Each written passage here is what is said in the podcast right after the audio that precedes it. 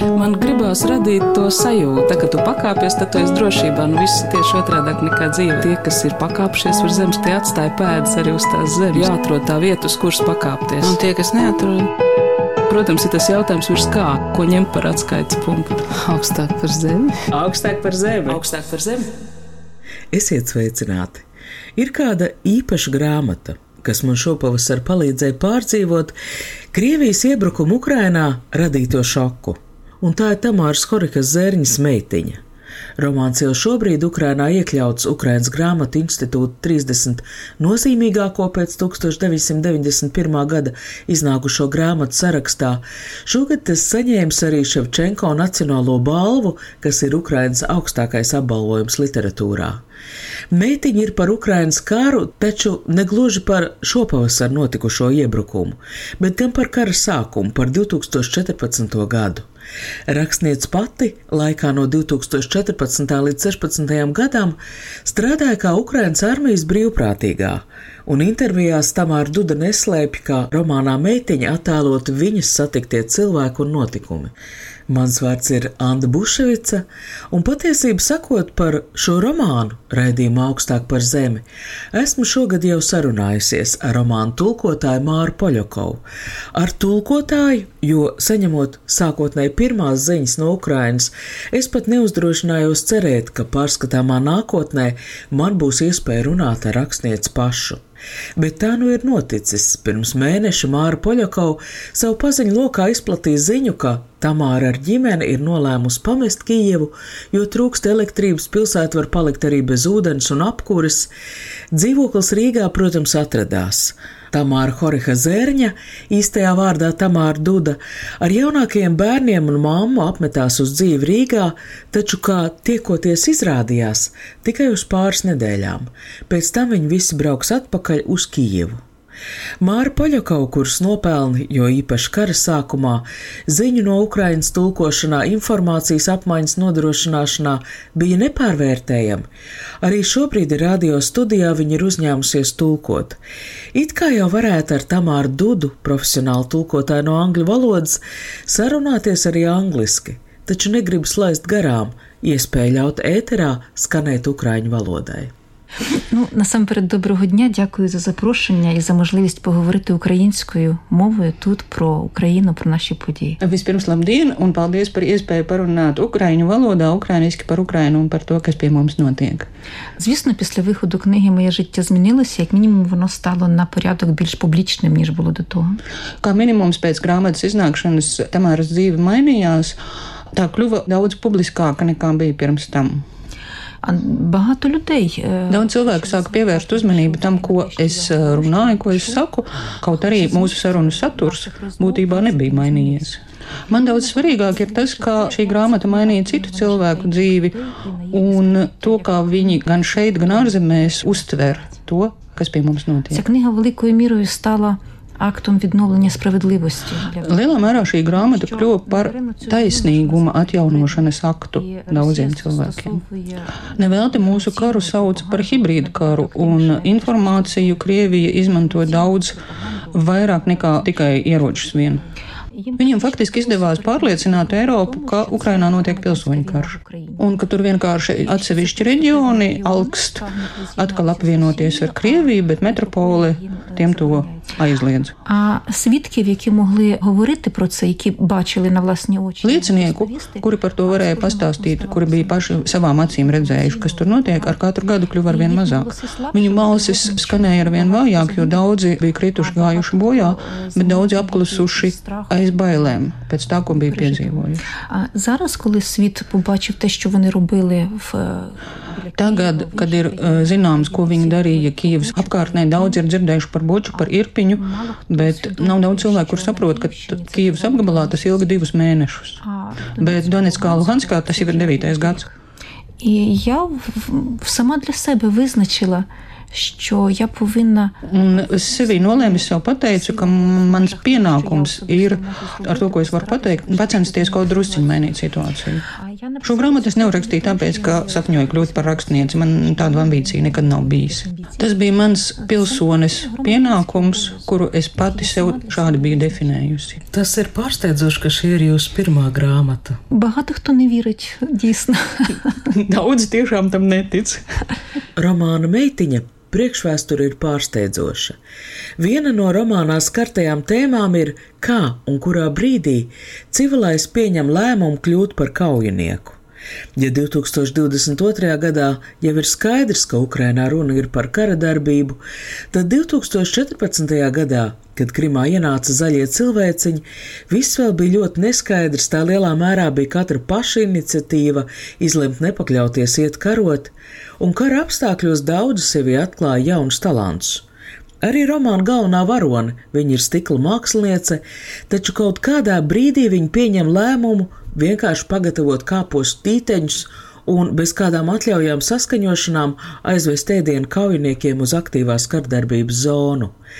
Arī romāns Meitiņa tapa kā ierocis, kā pretošanās kustības daļa, un tomēr Duda bez kādas iepriekšējas radošās rakstīšanas pieredzes tieši tikpat pēkšņi atklāja sevī rakstnieces stīgu. Viņa nolēma un arī iespēja uzrakstīt romānu, kas satricināja ne tikai ukrāņus. Es jautāju Mārai Poļakovai, kā sākās ceļš uz romānu Meitiņa latviskošanu. Bija tā, ka Rīgas ukrainiete Nataša man atsūtīja ziņu, ka Ukrainas grāmatu institūts ir izsludinājis e, stipendiju konkursu tulkotājiem. Tur bija arī kaut kāds tāds ieteicamo grāmatu saraksts, un es pārlaidu acis un teicu, ka rekutē ir tāda meitiņa, es par to esmu daudz lasījusi recenzijas, bet uh, man nav gadījies viņu dabūt, jo viņai nebija elektroniskā izdevuma. Un tad Natāša teica, ah, bet man ir tā grāmata, un tad izrādījās, ka viņa dzīvo no desmit minūšu attālumā no manis. Pēc pusstundas mēs divas nepazīstamas būdamas tur satikāmies. Viņa man iedeva grāmatu. Līdz rītam es viņu biju izlasījusi, pamatīgi noraudājusies un zvanīju Dacēs parānai izdevējai un teicu, ka reku šitā ir tā grāmata, šito vajag, šito es gribu. Un Dace viņa man noticēja uz vārda. Un teica, labi, taisām to projektu. Latvijas meitiņa iznāca 2020. gada rudenī. Tas bija tajā dīvainajā laikā, kad mums šeit par karu vairs negribējās ne runāt, ne domāt. Tā tiešām bija jābūt tieši tik neparastai grāmatai, kāds ir Tamāras romāns, ja, lai izlaustos cauri tam mūsu negribīgumam. Tas bija tas brīdis, kad mēs principā bijām uzgriezuši mugurus un izlikāmies, ka, nu, ka šitā tagad mēs arī dzīvosim. Ja? Nu, mēs, tur būs tā piedņistra. Un uz mums tas viss īpaši neatiecas. Tikai šāds um, ārkārtīgi talantīgs um, romāns varēja atkal izraisīt vēlēšanos par to kaut ko, par to domāt. Es saprotu, ka tulkošanas procesā jūs sākāt sarakstīties. Mēs īpaši nesarakstījāmies. Man ir princips, ka es cenšos tikt pati galā ar kaut kādām neskaidrībām, lai autors nedomā, ka es esmu pēdējā muļķa. Bija viena lieta, kur nu, ne internets, ne mani ukrāņu paziņas šeit nespēja līdzēt, un tad bija jāpajautā Tamārai. Tas bija teikums Drūhibē kava zīmuļu, ko es nesapratu. Es nesaprotu, kas ir beka. Man nebija nejausmas. Un, kad es uzzināju, ka beka ir boje komplekta, es biju tik laimīga par savu nezināšanu. Kaujinieku komplekts. Nu, tas, nu, tas viss, kas ir vajadzīgs, lai cīnītos. Jā. Nu, mēs tādā idilliskā pasaulē dzīvojam, kur var atļauties šādu vārdu nezināt. Jūs pirmoreiz tiekaties? Mēs pirmoreiz tiekamies. Lai gan, have... Lai gan es zinu, ka esat bijuši Rīgā 2020. gada festivālā prozas lasījumi. Uh, no, Tamara was online. Māra Poļakova man uzreiz informēja, ka toreiz tas bija Covid laiks un visas tikšanās notika tiešsaistē. Bet jā, apstiprina Tamāra, toreiz es biju aicināta un es gribēju braukt šurp. Es gribu atgriezties pie pirmā jautājuma, lai jūs mazliet pastāstat par sevi. Vai jūs esat no šī Donbass apgabala, vai tas, kas ir um, romānā Meitiņa, ir taisnība, ka jūs uh, bijāt šī brīvprātīgā, un tiešām kā vēlāk ir jūsu dzīve attīstīsies? Uh, nie, ja ne z Donbasu. Я з Києва. Тамара saka, ka ne, viņa nav no Donbasa, viņa ir no Kijivas, Kijivieta. Viņai ir 47 gadi. Tikpat cik man. Tamara ir trīs bērni, vecākā meita ir pieaugusi un jaunākajam ir seši gadi, tikpat cik manam jaunākajam. Demārai ir divas izglītības. Pirmā ir žurnālistikas, tātad viņa zināmā mērā ir Anna Tavējā kolēģi. Un otrā izglītība Demārai ir rakstiskajā tulkošanā no angļu uz ukraiņu valodu, tātad viņa ir arī mana kolēģi. Un līdz 14. gadam es eh, pilnīgi mierīgi uzskatīju sevi par piederīgu mūsu Ukrainas jaunajiem vidusslānim, cilvēkiem, kuriem ir stabili ienākumi, mierīga dzīve. Karu es sapratu ne uzreiz, un mana pirmā sastapšanās ar to bija slimnīcā, kur es biju uzaicināta apmeklēt, parunāt ar kādiem cilvēkiem. військовим, які там були. Там я якийсь час працювала санітаркою, виконувала якісь такі роботи. Slimnīcā es eh, kādu laiku biju sanitāra, brīvprātīgā, darīju kaut kādus tādus darbus, eh, kopjot eh, slimos un ievainotos. Un viņi runāja, viņi stāstīja par to, kas notiek austrumos un par to, kādā stāvoklī ir mūsu armija, ar kādiem materiāliem līdzekļiem mēs karojam. Un es apzināti ķēros pie vajadzīgā pirkšanas, munīcijas, citu svarīgu lietu, ieguldot tur arī savu naudu. Ārzemēs eh, to pirku un eh, vedu uz Ukrajinu, un pēc tam pati arī sāku vest uz fronti. І ми з моїм чоловіком ми два роки провели в режимі Tamāra saka, ka viņa ar savu vīru divus gadus tā arī pavadīja ekspedītoru, loģistikas speciālistu, armijas apgādnieku kvalitāti. Un Vidēji tā, ka septiņas līdz desmit dienas Tamāra un viņas vīrs Kīvā pirka, rakstīja atskaites, vienojās ar ziedotājiem, darīja visus šos darbus, un pēc tam trīs, četras dienas viņi to visu veda uz fronti. Mēs darījām to, ko šobrīd Ukrainā dara simtiem brīvprātīgo, taču mēs pat nedēvējāmies par brīvprātīgajiem. Mēs vienkārši konsolidējāmies, iebrāli dovkola sebe draugus, vodnodumcīvus. Mēs vienkārši saliedējām, sapulcinājām sev apkārt eh, draugus, eh, līdzīgi domājušos, kuri visu savu spēku un laiku veltīja Ukrainas eh, nosargāšanai.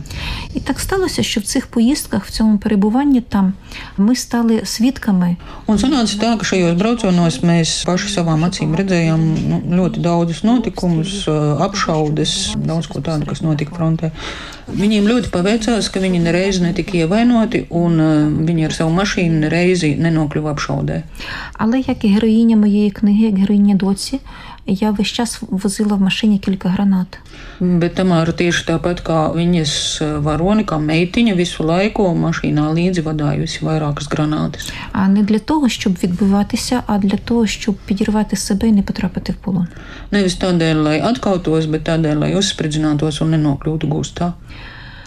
А в 16-му році, ви розумієте, ми своїми зусиллями, ми я маю на увазі українців, Šādā veidā ā, mēs, Ukrāņi, saviem spēkiem devām valstī laiku, lai valsts paspētu pievilkt resursus armijai. практично 16. gadā valsts ar to bija tikusi galā, un tad jau armija vairs nebija badā un plika.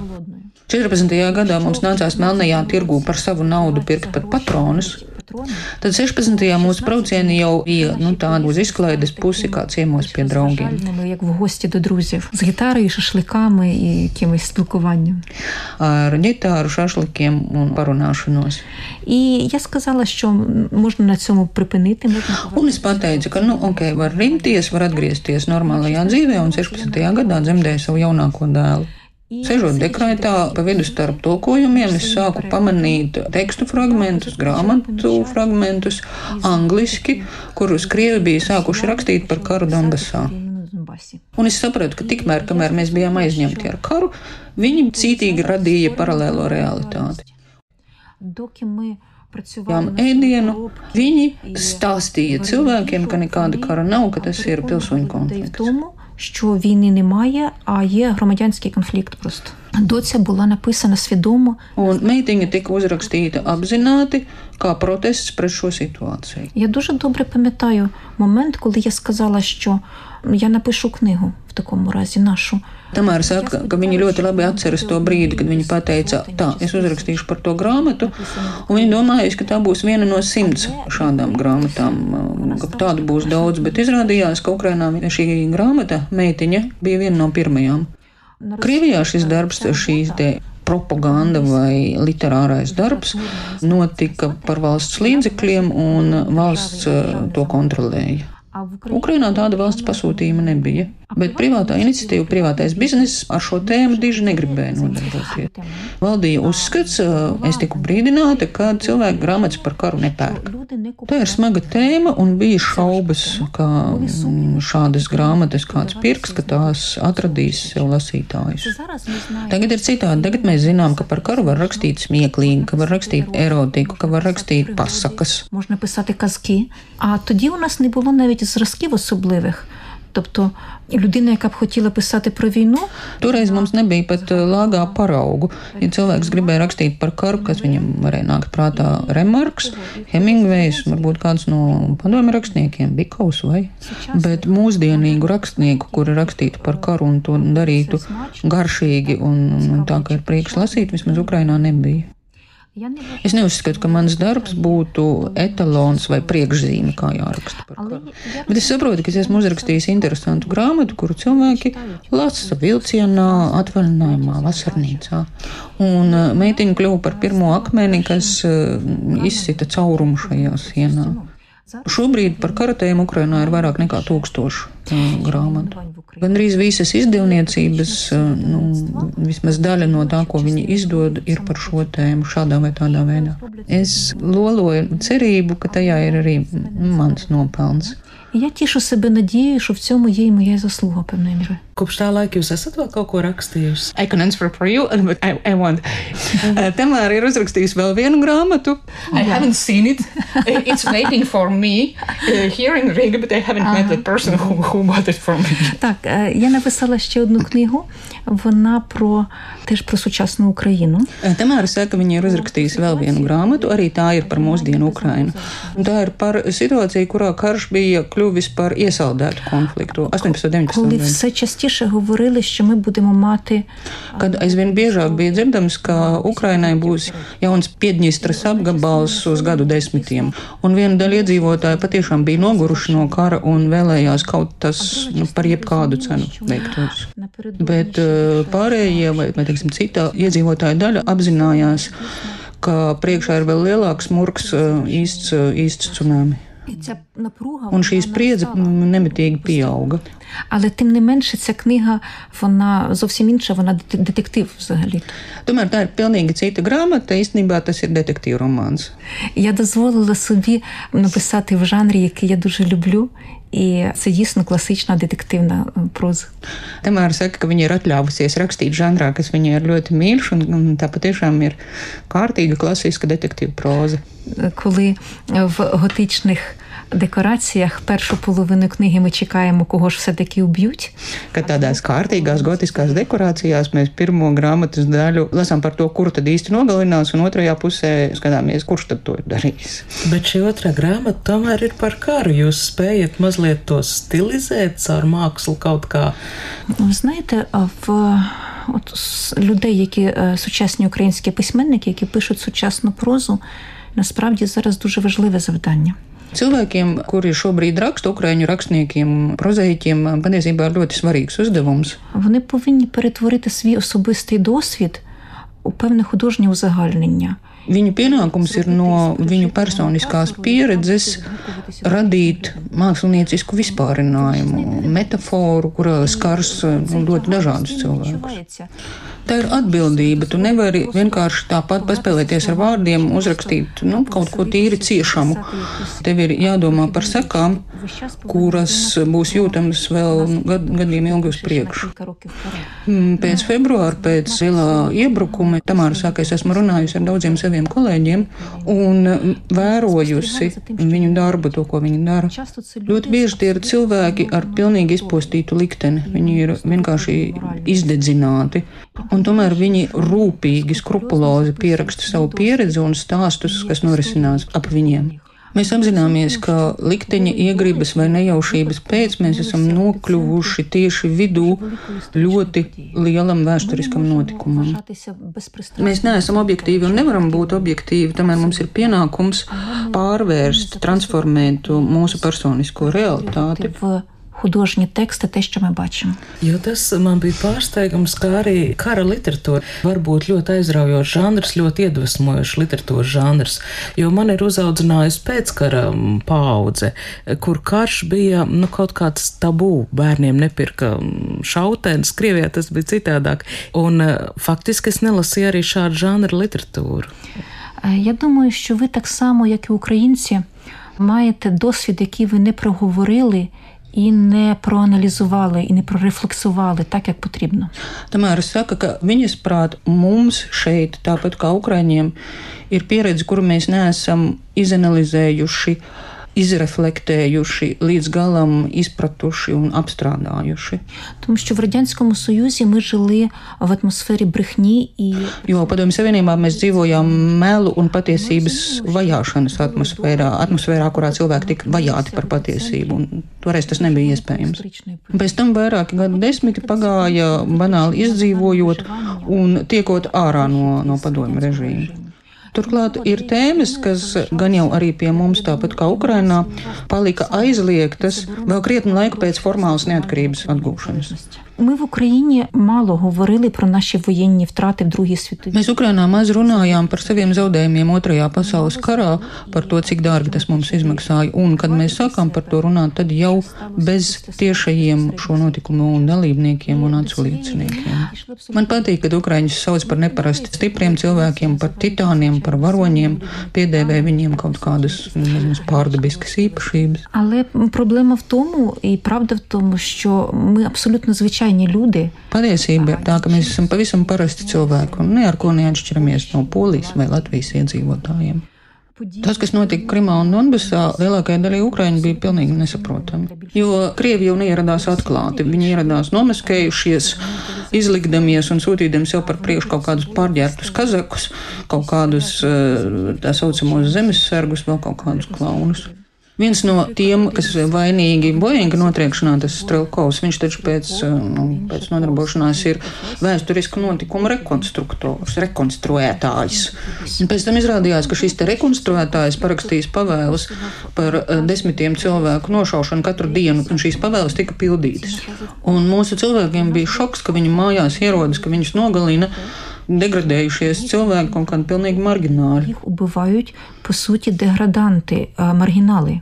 Точно так само цей шок і досі у нас в нас живе, і ми не можемо до кінця осмислити те, що відбувається довкола нас. Šis šoks mūsos ir joprojām, un mēs joprojām nespējam līdz galam apiekt to, kas ar mums notiek. Коли російські солдати приходять у дім і, наприклад, зрізають роутери. Krievu zaldāti ierodas un nogriež rūterus, jo viņiem ir pateikts, ka tur lūk, esot internets. Tā jau rūterī. Kā viņi zoga, tamēr atvainojas toaletes podus un pēc tam pārtvertajās sarunās var klausīties, kā viņa ģimenes nesaprot, kā no šiem podiem dabūt ārā to saturu. Un tādu notikumu tiešām ir ļoti daudz, taču ir tā, ka mums vienlaikus ir darīšana gan ar ārkārtīgi zemu morālo, intelektuālo līmeni, bet reizē ir ārkārtīgi augstu ļaunuma līmeni. Але з абсолютно високим рівнем зла, абсолютно нераціональна ненависть і бажання знищити Все, що вони бачать в Україні. Absolūti neracionāli, iracionāli naidu un vēlēšanos iznīcināt visu, ko viņi Ukrainā redz. Ми не готові були до такої жорстокості і взагалі до такого, ну. В кожній країні трапляються садисти і маніяки. Це Mēs tam nebijām gatavi. Principā, jebkurā valstī ir kaut kāds procents maniaku un sadistu, nu, kaut kāds neliels procents. Tas, principā, tā ir, tā ir norma. Bet mēs absolūti nebijām gatavi sastapties ar nāciju, kurā šādu sadistu ir vairākums. Kad tagad runā par to, ka Ukraiņi izmisīgi cīnās, ir jāsaprot, ka Ukraiņiem pilnīgi absolūti nav citas izējas. Mēs saprotam, ka viņi nogalinās, izvaros un spīdzinās absolūti visus, kam tiks klāt. Tādēļ miljoniem ukraiņu sieviešu ir metušās uz ārzemēm glābt bērnus. Ne jau tāpēc, ka mēs būtu sapņojušas par emigrāciju vai gribējušas paceļot un apskatīt citas zemes, bet tāpēc, ka galvenais mērķis, galvenais, ko mēs gribam, ir izglābt savus bērnus. Bet vīrieši aizgāja karot, nemācīti kara mākslās negatavi civili iedzīvotāji, viņi devās un viņi cīnās, jo vienkārši nav citas izējas, nekas cits neatliek. Šobrīd jūs esat Rīgā. Kāpēc un kādi ir jūsu turpmākie плани? Ми маємо відпустку, якщо можна так сказати. Mums ir atvaļinājums, ja tā to var nosaukt. Друзі запросили за допомогою Ганди та Draugi mūs uzaicināja ar mūsu abu iesaistīšanos un piedāvāja dzīvokli. Tamāra saka, lai mēs varētu šeit dažas nedēļas atpūsties.